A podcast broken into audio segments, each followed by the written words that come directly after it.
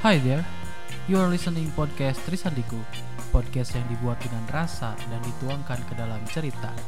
Podcast Trisandiku akan menampilkan sesi baru yang berjudul Surat Untukmu. Di sini gua akan berperan sebagai Arta yang sudah melewati banyak kisah asmara bersama banyak wanita selama ia hidup. Arta selalu menulis surat cinta kepada wanita-wanita ini di setiap kali satu hubungan berakhir. Setiap wanita memiliki ceritanya masing-masing. Penasaran? Dengerin terus podcast Trisandiku dan selamat mendengarkan.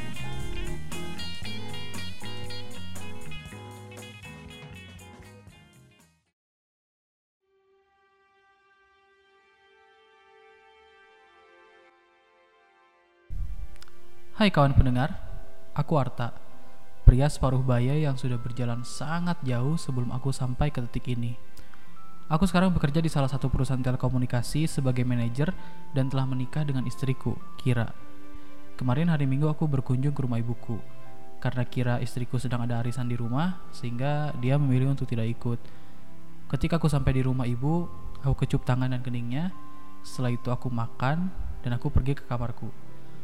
Kamar ini masih terasa hangat sebagaimana pertama kali aku tinggalkan dua tahun lalu semenjak aku menikah.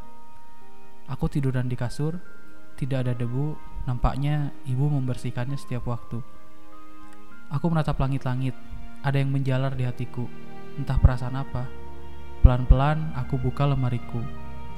Aku melihat begitu banyak fotoku bersama Kira waktu kita pacaran dulu di balik pintu lemarinya. Lalu tiba-tiba aku melihat ada sebuah kertas foto terselip di tumpukan bajuku. Pelan-pelan aku menariknya. Ah, ternyata itu foto Karini, salah satu mantan terbaik yang kini entah bagaimana kabarnya. Lalu aku teringat sesuatu.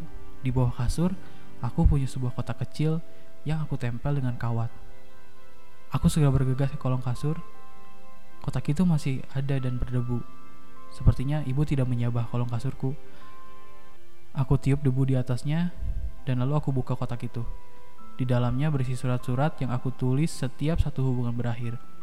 Sepanjang perjalanan ini, sudah 10 surat aku tulis, yang terakhir untuk Kira. Setiap surat memiliki nyawanya sendiri. Ia hidup di alam pikirku. Secara estafet, perempuan-perempuan ini yang telah mengantarkanku sampai ke titik ini. Kali ini aku akan membagikan surat-surat yang aku tulis sendiri tentang orang-orang yang pernah bersinggungan peran denganku kepada kalian semua. Selamat mendengarkan.